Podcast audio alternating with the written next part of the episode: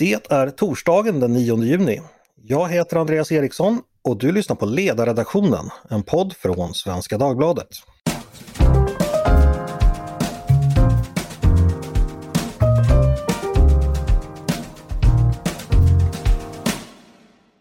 Varmt välkomna hörni! På söndag är det tre månader kvar till valet. En något splittrad nation ska åter försöka samla sig för att välja representanter till riksdag, regioner och kommuner. Hur kommer det gå? Vad tycker väljarna just nu? Och vet vi någonting om hur de har förflyttat sig under mandatperioden? Det är dagens ämne och med mig för att försöka reda ut lite det av detta har jag en trio sakkunniga, nämligen Louise Stenberg, konsult på opinionsföretaget Axiom, Torbjörn Hollö, ekonom på LO och Per Rosenkrantz, före detta opinionschef på Moderaterna, numera också konsult på Nordic Public Affairs. Varmt välkomna alla tre! Tack så mycket! Tackar, tackar! Tack, tack! Jag tänkte vi ska börja med läget idag. Det är som sagt tre månader kvar till valet, ganska precis. precis. Eh, opinionsmätningarna kommer förstås tätt.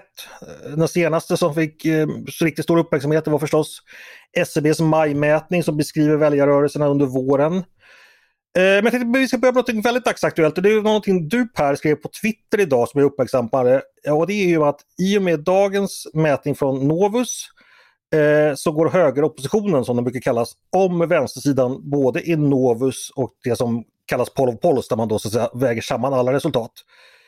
Per, vad, vad, hur tolkar du det? Är det ett tecken på att det börjar bli riktigt tajt nu inför valet eller vad, vad tänker du?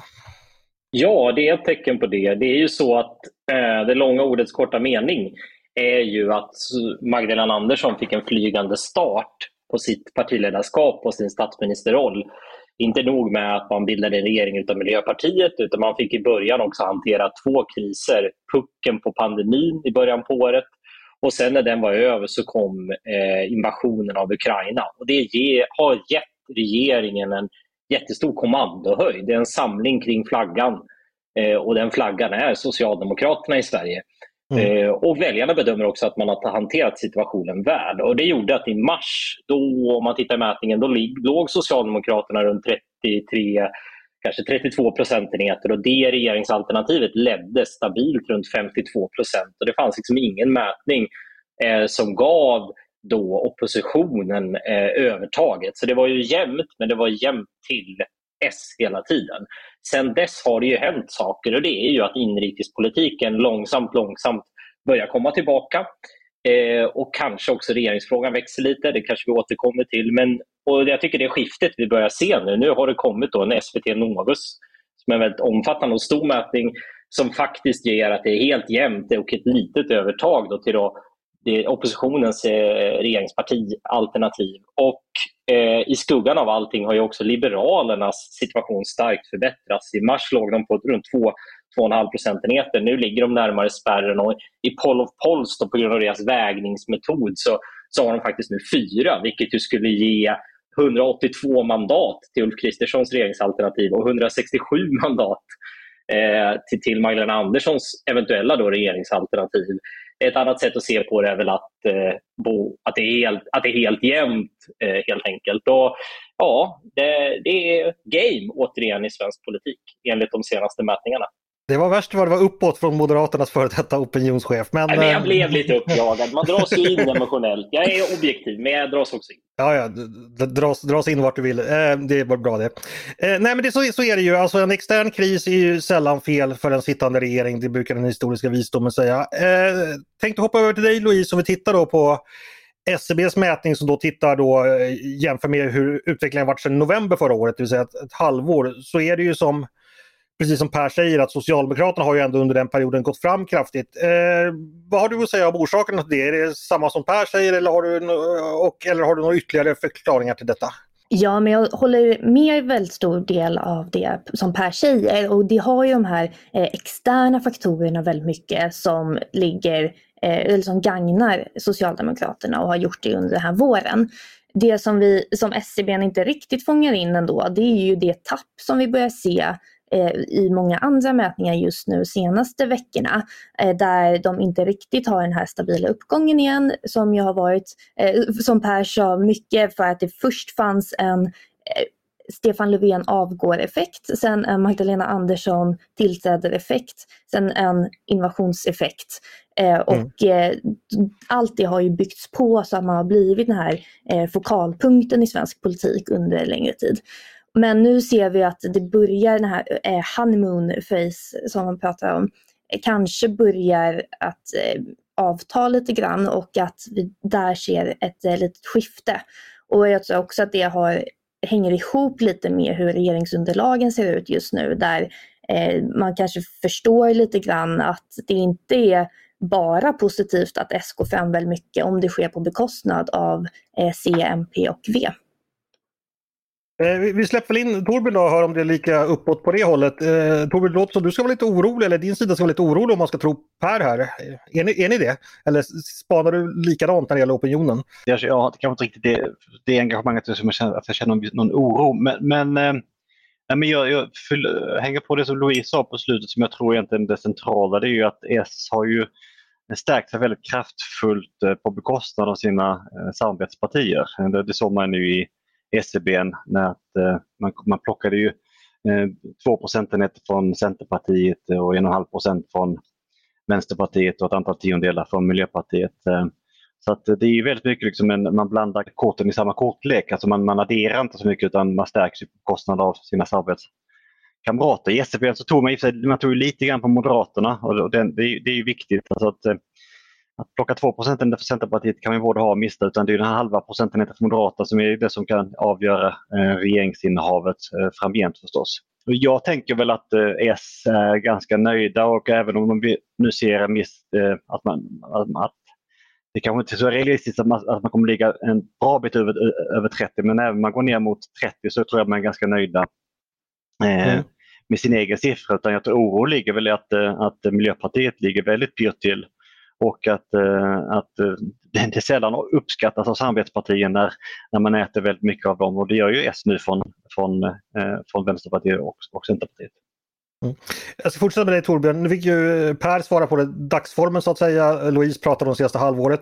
Om vi, om vi för din del då pratar då väljarrörelser under längre tid, alltså hela mandatperioden, flera år tillbaka. Vad skulle du säga är någonting som du tycker man ska tänka på där? Vad är det som har hänt sen med oss väljare sedan 2018 som är viktigt att förstå? Alltså det som är intressant är att Sverige har ju avvikit från i princip alla andra länder när det gäller liksom struktur för vilka som röstar på progressiva partier. Om man, om man nu beskriver S och samarbetspartier som progressiva partier. Eh, I många andra länder, Frankrike, USA och så vidare, så har ju man skiftat väljarbas sedan, många, sedan flera årtionden tillbaka. Det vill säga att eh, arbetarna, arbetarväljare har i större utsträckning gått eh, till högerpartierna och eh, och eh, mer välutbildade storstadsväljare gått till eh, de progressiva partierna. Eh, det skiftet har, har vi nu i Sverige. Mm. Sverige stack ut fram till rätt så nyligen för att, att, att det inte hade skett. Men nu, nu, har, har, nu måste vi väl ändå säga att, att vi har det här skiftet och det kan man ju kan man illustrera på massa olika sätt. Jag tycker att SCB har ju börjat fråga i sin undersökning sedan, jag tror det är tredje Eh, tredje säsong man frågar om yrkes, alltså man kollar vilket yrkesgrupp man tillhör och hur man röstar. Och den, jag tycker den är superintressant, det är nästan ingen annan som kollar på den. Jag, jag är superförtjust i den.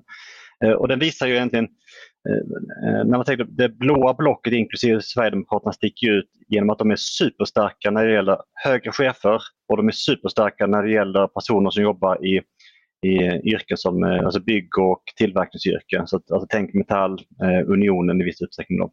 Mm. Eh, medan då de S med samarbetsparti är superstarka bland akademiker.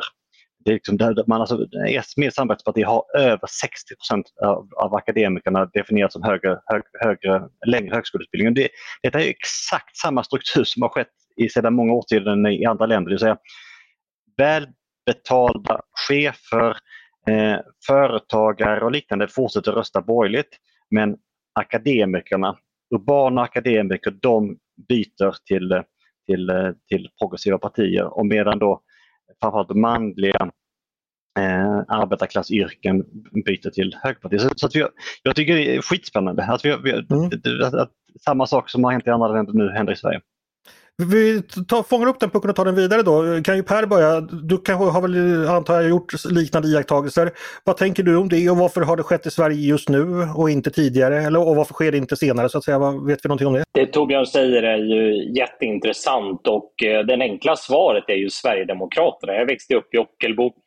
Eh, på, I EMU-omröstningen var jag en av de här kampanjarbetarna som skulle åka runt och specifikt utsänd för att prata med fordonsprogram och tekniska program, yrkesförberedande gymnasieprogram med ungdomar om varför vi skulle gå med i EMU.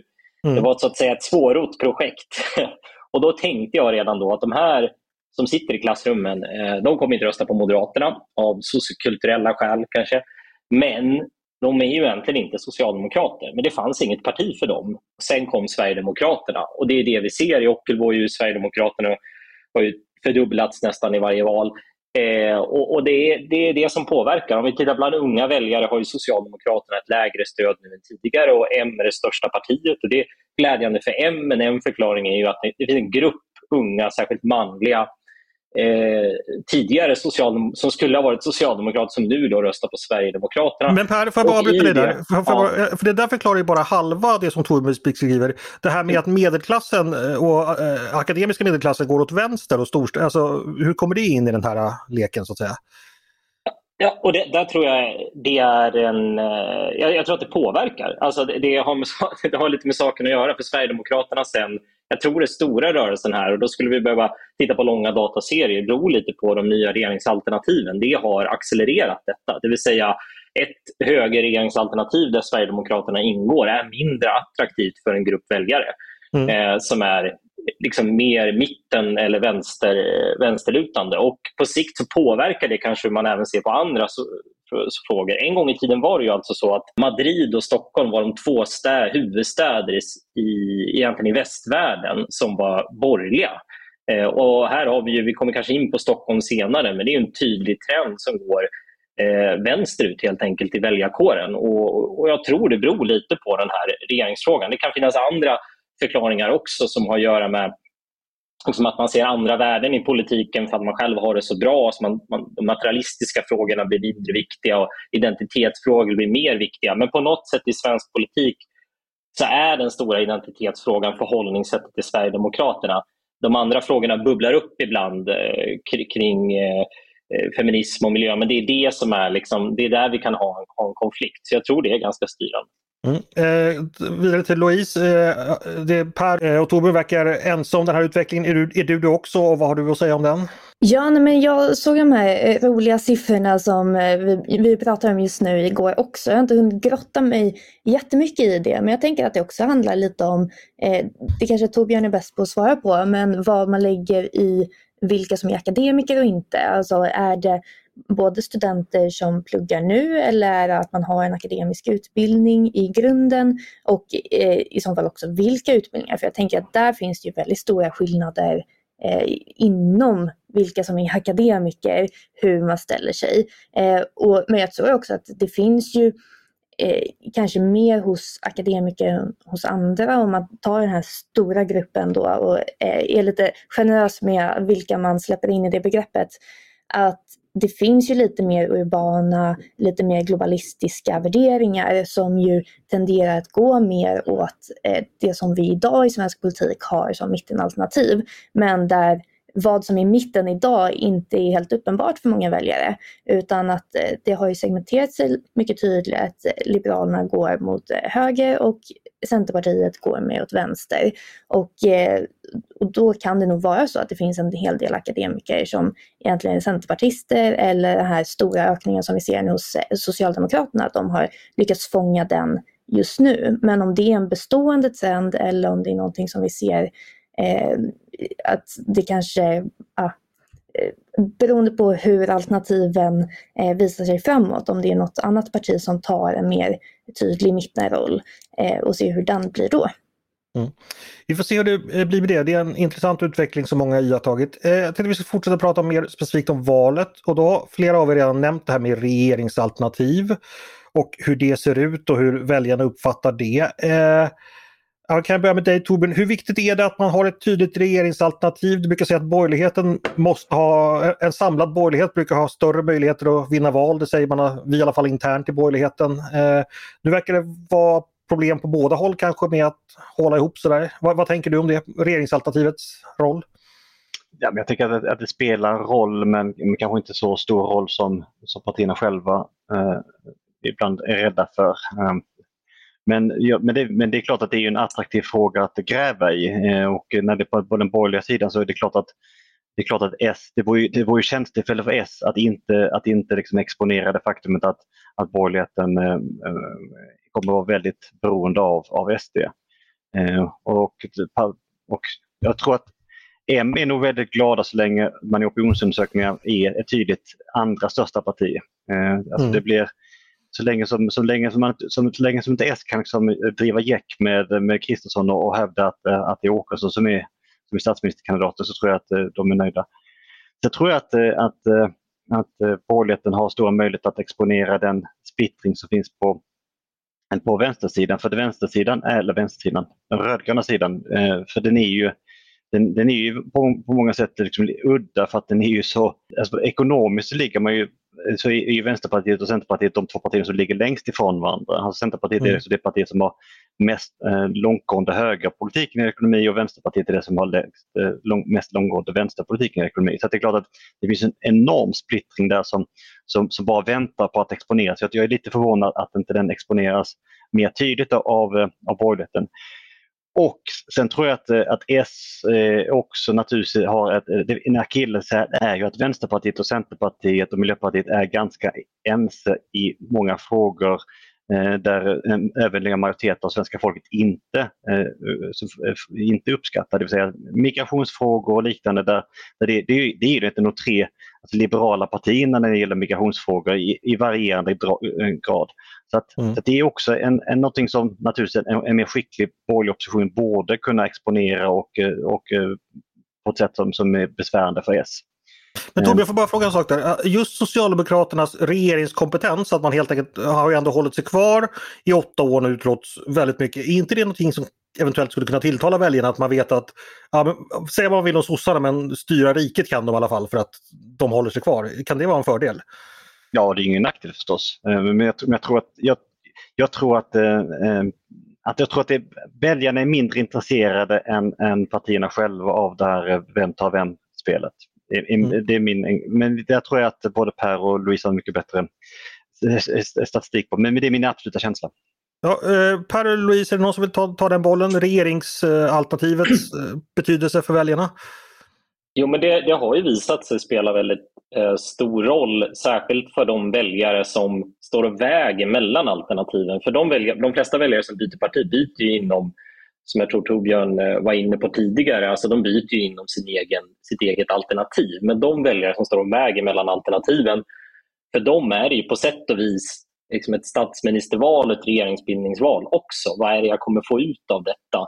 Eh, och Då tror jag en anledning till att det har fallit i glömska det är lite för att så stora andra frågor har funnits i vår omvärld. Men närmare valet kommer regeringsfrågan alltid tillbaka för det är det som blir på vis sakpolitiska innehållet och inför förra valet till exempel var det ett stort bekymmer för den dåvarande alliansen att man var mindre än de rödgröna i många opinionsmätningar.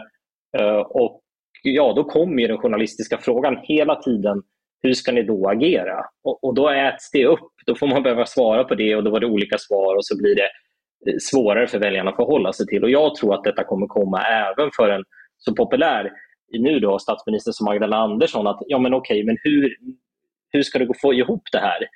Eh, det kommer komma närmare valet eh, och det är också en sån sak som kan komma att påverka till, eh, till oppositionens fördel i och med att eh, paradoxalt nog så är den eh, blåa och plus Sverigedemokraterna mer sammansvetsande som lag idag än den andra sidan. Mm. En aspekt bara som eh, eh, jag tänkte bara nämna. Det är ju som man tittar mandatperioden hur den gamla alliansen och de gamla rödgröna har utvecklats. Det förra valet var ju faktiskt väldigt jämnt mellan dem. Eh, de rödgröna vann ju bara med ett mandat, det är lite bortglömt idag. Idag så är ju skillnaden mellan de gamla blocken, jag tror de är 5 eller 6 procent. Så att det är uppenbart att den gamla alliansen har förlorat väldigt mycket på att man, man totalt sett på att man splittrades. Eh, ja, bara en saker jag tänkte jag skulle ha med. Eh, Louise, vad, vad, tänker du om det här regerings, regeringsfrågans betydelse och att, hur, samling kring, kring det? Vilken betydelse kan den ha? Jag tror att eh, man både inte ska underskatta eller överskatta den. Så att det ligger väl i bakgrunden hos många när man väljer att vad får jag ut av en röst? Och där ser vi ju väldigt tydligt att det var många som röstade på Centerpartiet i senaste valet som idag inte känner att Eh, de fick ut av sin röst det de blev lovade. Samtidigt så är det kanske det mest intressanta här eh, Sverigedemokraternas roll i eh, flera valrörelser. 2010 och 2006 så var det ju väldigt tydligt att ja, men jag röstar på vilket parti som helst så länge bara inte i Sverigedemokraterna. Den ser vi ju inte riktigt idag utan då kanske det är, ja men jag kanske röstar på något av de alternativ som inte vill samarbeta med Sverigedemokraterna. Att det ligger lite mer eh, där som man väljer mellan. Men också återigen den här, eh, de som känner sig vara mitten idag, att de inte har ett lika tydligt alternativ eh, i, i mångt och mycket. Och eh, det kommer att bli väldigt intressant för det är där valet kommer att avgöras. Louise träffar en väldigt intressant punkt här tycker jag och det är ju en liten X-faktor också. Hur mycket kommer Socialdemokraterna vilja att spela SD-frågan i det här valet? Och det var ju så att inför förra valet så tog ju Löfven det initiativet i Almedalen inför valet, rätt sida om historien. Och man gjorde egentligen SD-frågan till den stora frågan i valet. Och det har ju Magdalena Andersson inte gjort än. Eh, och eh, här finns ju även risker för S i och med att då distanserar man sig ännu mer från en stor grupp LO-väljare som faktiskt stödjer Sverigedemokraterna och så vidare. Så att hur man väljer att angripa SD-frågan från S i valrörelsen, det är en av de sakerna som jag kommer att hålla utkik på. Ja, eh, bara för att återknyta till Louise säger det här om mittenväljarna och så att säga marginal, blockbytarväljarna, de som står i valet och kvalet. Vad vet vi om dem egentligen? Eh, vad är det de tilltalas av? Vad är det som kommer att avgöra egentligen var de stoppar sin röst? Är det plånboksfrågan eller är det SD-frågan eller är det några som, några som har några two cents här som de vill slänga in? Ja, men jag, jag, kan väl ta den bollen. Jag tror att eh, det är nog lite fel att se det som en grupp. Det är väldigt många olika och det, därför är det väldigt intressant att titta på just den typen av grupp. För att det är väldigt olika typer av viljor och olika typer av bakgrunder som infinner sig eh, där. Men vi ser väl att det är till stor del ganska urbana personer, eh, inte lika mycket på landsbygden där man inte har bestämt sig eh, vilket block eh, som man vill eh, lägga sin röst på. Sen så tror jag att det är en grupp också som Eh, ser en mer optimistisk syn på samhället i stort och som inte tycker om när, man, när Sverigedemokraterna pratar om det nattsvarta. Det känner de inte igen sig i egentligen.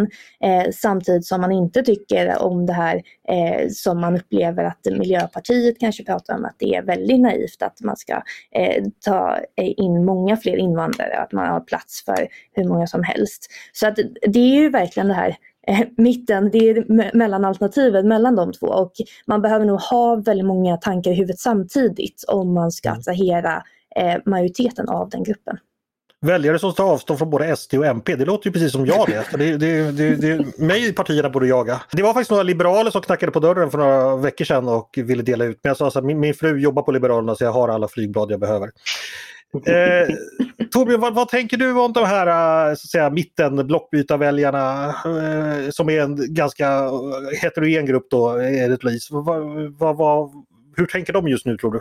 Jag tänker att det finns en... en eh, alltså det, det, de, det, är alltid de vi har pratat om så länge jag har varit politiskt aktiv. Alltså de här, de här folkpartisterna som ibland kan hoppa över till S och sådär. Det, liksom, det har varit de som har varit avgörande valen. Men, men är, alltså, med, med, med min bild är att så jag är tillbaka till, till liksom de grupperna som, som, som jag trots allt representerar. Alltså, detta är ju en stor förändring att de här grupperna, alltså, eh, löntagargrupper som jobbar inom LO-yrken har blivit mycket mer rörliga. Eh, eller man, man, är inte, man, man röstar inte bara på S, man röstar på alla partier. Vilket gör att det är en grupp som är, på många sätt är ju LO-väljarna de nya marginalväljarna. Alltså mm. det, det, är de som avgör val. Eh, det är inte längre kanske, om, om, om, nu, om, om nu min tes stämmer, att, att akademikerna, de här, de här lite finare urbana, de har redan, de har redan valt sida. De har redan valt liksom, att hänga med liksom, Magda och, och Annie. Utan, utan det är liksom, de gamla klassiska LO, grupperna som tidigare var, eh, var hästväljare för SD, de som avgör vilket block som vinner, tänker jag. Mm. Det är mycket intressant och det är så, för det, det gör ju då att eh, valmatematiken eller så att säga väljarmatematiken förändras väldigt mycket. En annan boll jag tänkte plocka upp, eh, Torbjörn du har redan varit inne på, på det här med att vi har sett en förändring i då, eh, social struktur på väljarna, men det är också så att väljarna också har delat upp sig ganska mycket efter kön, eh, så vitt jag förstått, och det märks ju ganska tydligt framförallt på vissa partier. Eh, betyder det någonting för hur, hur, partierna agerar eller för hur valet går? Eh, vad tänker ni Per exempelvis? Att kvinnor och män har börjat rösta mer olika än tidigare.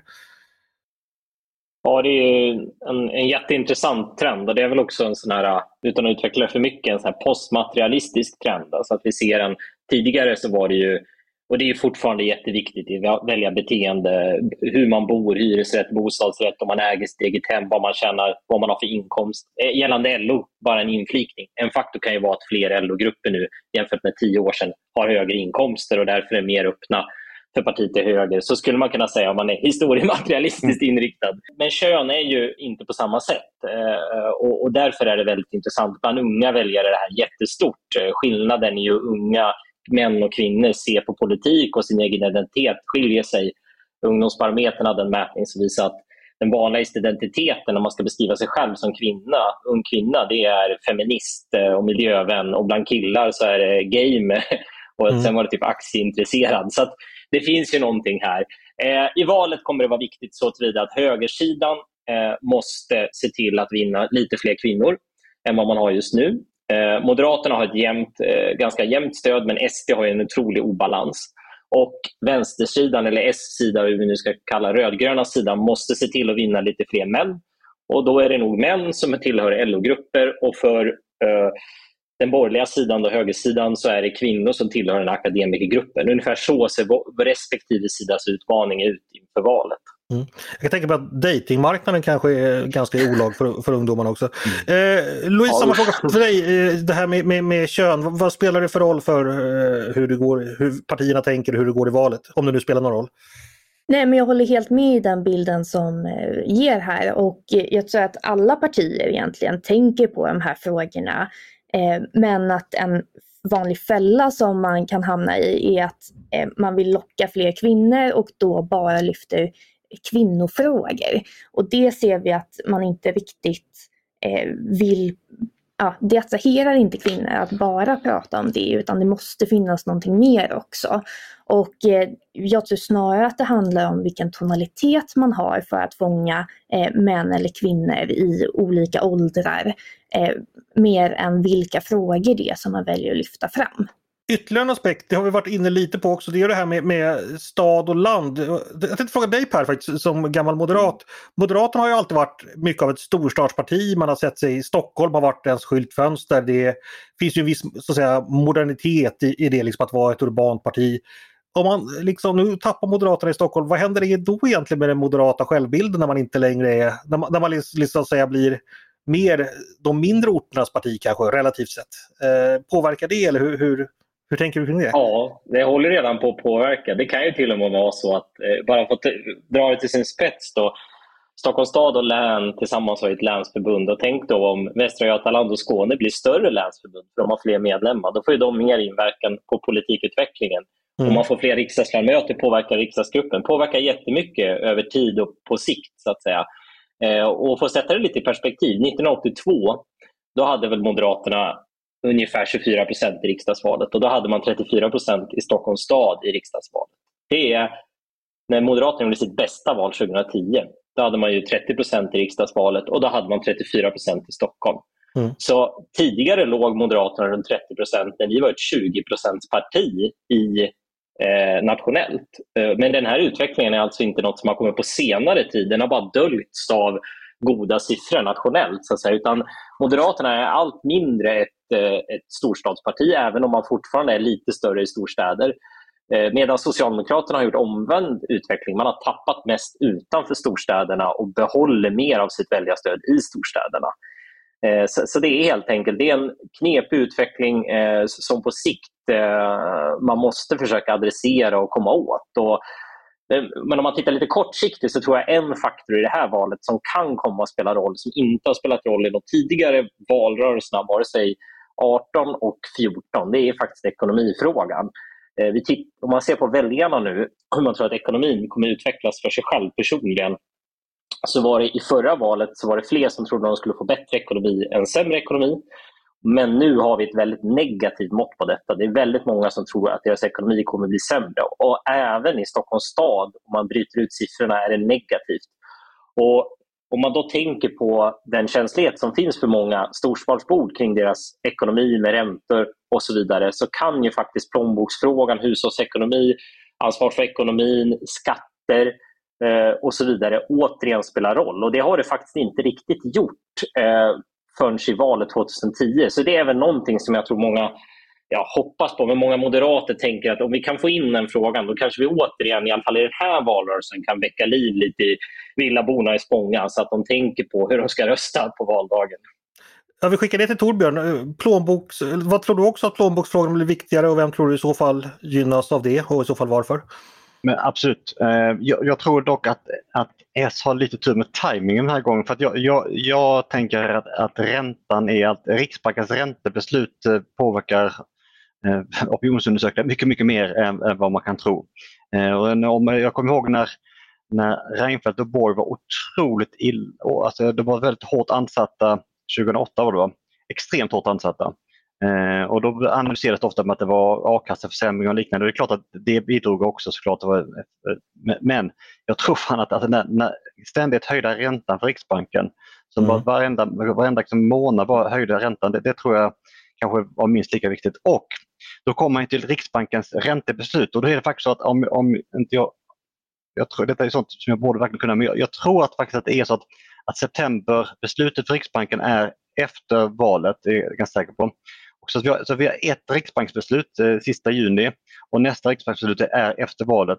Och även om, om Riksbanken skulle smacka till med en dubbelhöjning, vilket jag, jag inte tror att de kommer göra, utan de höjer med 0,25, så har det inte riktigt börjat ätas in i folks eh, bolån när valet äger rum. Eh, mm. Så hade valet ägt rum senare på år så tror jag att eh, det hade, varit en, en, en, hade plånboksfrågan blivit ännu mer aktuellt. Men jag, jag, jag, tror inte den kommer bli fullt så aktuell som, som ja, aktuell. Ja, mycket intressant spaning. Det, det, den tackar vi för. Det ska vi verkligen ta med oss. Ja, det är den institutionella miljön. Motverka den här borgerliga valsegern. Det är väl, det är väl allting. Allting mot. Inte bara media utan också Riksbanken till och med. Ja. Jag, jag skojar lite grann. eh, hörni, vi ska ta avrunda. Jag tänkte bara fråga, nu är det ju tre månader kvar till valet. Eh, ibland på, påpekar forskare att valrörelser inte, inte kanske påverkar så riktigt mycket som vi tror. Eh, utan att det är inte så stora förändringar men det, vi minns ju enskilda partier kan ju förändras väldigt mycket. Torbjörn, du som har erfarenhet från många tidigare eh, valrörelser. Vad, hur, de här junisiffrorna vi utgår ifrån, hur mycket kan vi räkna med att de förändras under de sista tre månaderna? här? Vad tänker du? Alltså de kan ju säkert förändras ganska mycket inom, inom blocken, det tror jag. Eh, det, det, ser vi att det, det, är rörlig, det är rörlig materia. Mellan blocken mer trögt men eh, jag tror att skillnaden mellan blocken i storlek är mycket mindre än vad som det ibland framställs som i, i diskussioner. Så att, jag, så att, eh, så att så att även om S har en väldigt bra siffra som eget parti så, så är man ganska sårbar för att det egna blocket är mag bara marginellt större än det andra blocket och, och det bygger på att Miljöpartiet kommer in och jag tror att eh, det finns en risk eller chans beroende på hur man är lagd att Miljöpartiet ryker. Mm. Ja, dessutom börjar vi med då Pers spaning att det ser nästan ut som att högerblocket är på väg om, om, om man tittar på vissa mätningar. Ja, det, det, det, byggde, det byggde vi just på att Miljöpartiet rykte för då, då får du den effekten. Liksom. Ja, okej. Okay. Mm. Eh, Ja, det blir strid på kniven där. Eh, vi ska avsluta med den här tuffa, hårda frågan som ni naturligtvis måste få. Ni ska få eh, berätta för mig eh, som sätter er yrkesheder på spel och berätta hur, hur det kommer gå i valet. Eh, så ringer jag upp på valnatten och eh, skrattar åt er sen. Vem vill börja och sticka fram fötterna? Jag kan börja.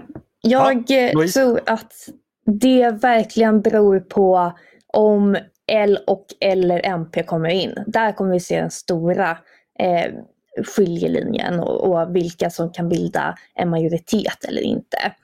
Men det, ja, skrällen, om vi säger på det så istället, det är ju att eh, om Liberalerna går om Centerpartiet, eh, Miljöpartiet åker ut och eh, SD blir tredje eller andra största parti. Det, det skulle vara de stora skrällarna, men som eventuellt skulle kunna hända.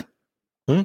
Okay, men förmodligen kan vi förvänta oss, men jag tror att vi kan förvänta oss ett valresultat som är i linje med hur vi har sett under hela den här mandatperioden. Det vill säga att det kommer vara någon liten valkrets där några tusen röster avgör. Mm. Lite försiktigt tips eh, därifrån. Torbjörn, vill du sticka ut hakan än längre och ge oss ett resultat? Nej, alltså jag, jag, jag tror att, att, äh, att äh, S med samarbetspartier sannolikt, det är mer sannolikt att de blir större än mindre än det andra alternativet. Äh, men jag tycker därmed inte att det är givet att, att, det, att, det, att det är en S-ledd regering som väntar därefter för att jag tycker man underskattar samarbetsproblematiken mellan Vänsterpartiet och Centerpartiet. För det är det, det allt bygger på. Så att, så att, att, mest sannolikt en S S-seger på valnatten men det är inte alls säkert att det blir en S-seger några veckor senare. Per, slutligen då, ska du ge oss facit? Jag tror det blir en stolpe ut denna gång för Miljöpartiet. Det var ju så, vallokalsundersökningen kom. Eh, de hade legat runt 5% i opinionsmätningarna i valspurten 2018 och sen fick de 3,8 om jag minns rätt i Valu. Men sen fick de 4,4 när det var sammanräknat. Eh, den här gången ser det svårare ut eh, och den siffra som har fått mig att nu, om jag skulle få sätta mitt bolån på, på något, det är just i SCB. Minsta parti bland förstagångsväljare, minsta parti bland unga väljare under 30 är Miljöpartiet. Mm. Och Vi ser problematik för dem i, i Stockholm också. Och, och, Det gör att jag tror att Miljöpartiet åker ut och jag tror att eh, Liberalerna medelst en skjuts kring en ny partiledare med, med rolig slips kommer att eh, komma över spärren eh, och det innebär att det blir ett eh, maktskifte. Vi får se. Eh, ni som lyssnar på podden vet att mitt stora bett ju ligger på att Liberalerna kommer komma in. Eh, mot detta har ju då min kollega Peter Wemblad satt en flaska eh, gin. Så vi får se vem som får njuta av den på valnatten. Jag är övertygad om att det blir jag. Stort tack för att du ville komma till mig och prata opinionssiffror och väljare och politik. Louise Stenberg, Torbjörn Holle och Per Rosenkrantz. Och tack till er som har lyssnat idag också på Ledarredaktionen, en podd från Svenska Dagbladet. Jag hoppas ni blev lite klokare, det blev i alla fall jag. Eh, ni är varmt välkomna att höra av er till oss på redaktionen med tankar och synpunkter på det vi har precis diskuterat. Eller om ni har idéer och förslag på saker vi ska ta upp i framtiden. Då är det bara att mejla till ledarsidan svd.se. Dagens skickliga producent, han heter Jesper Sandström. Jag heter Andreas Eriksson och jag hoppas att vi hörs snart igen.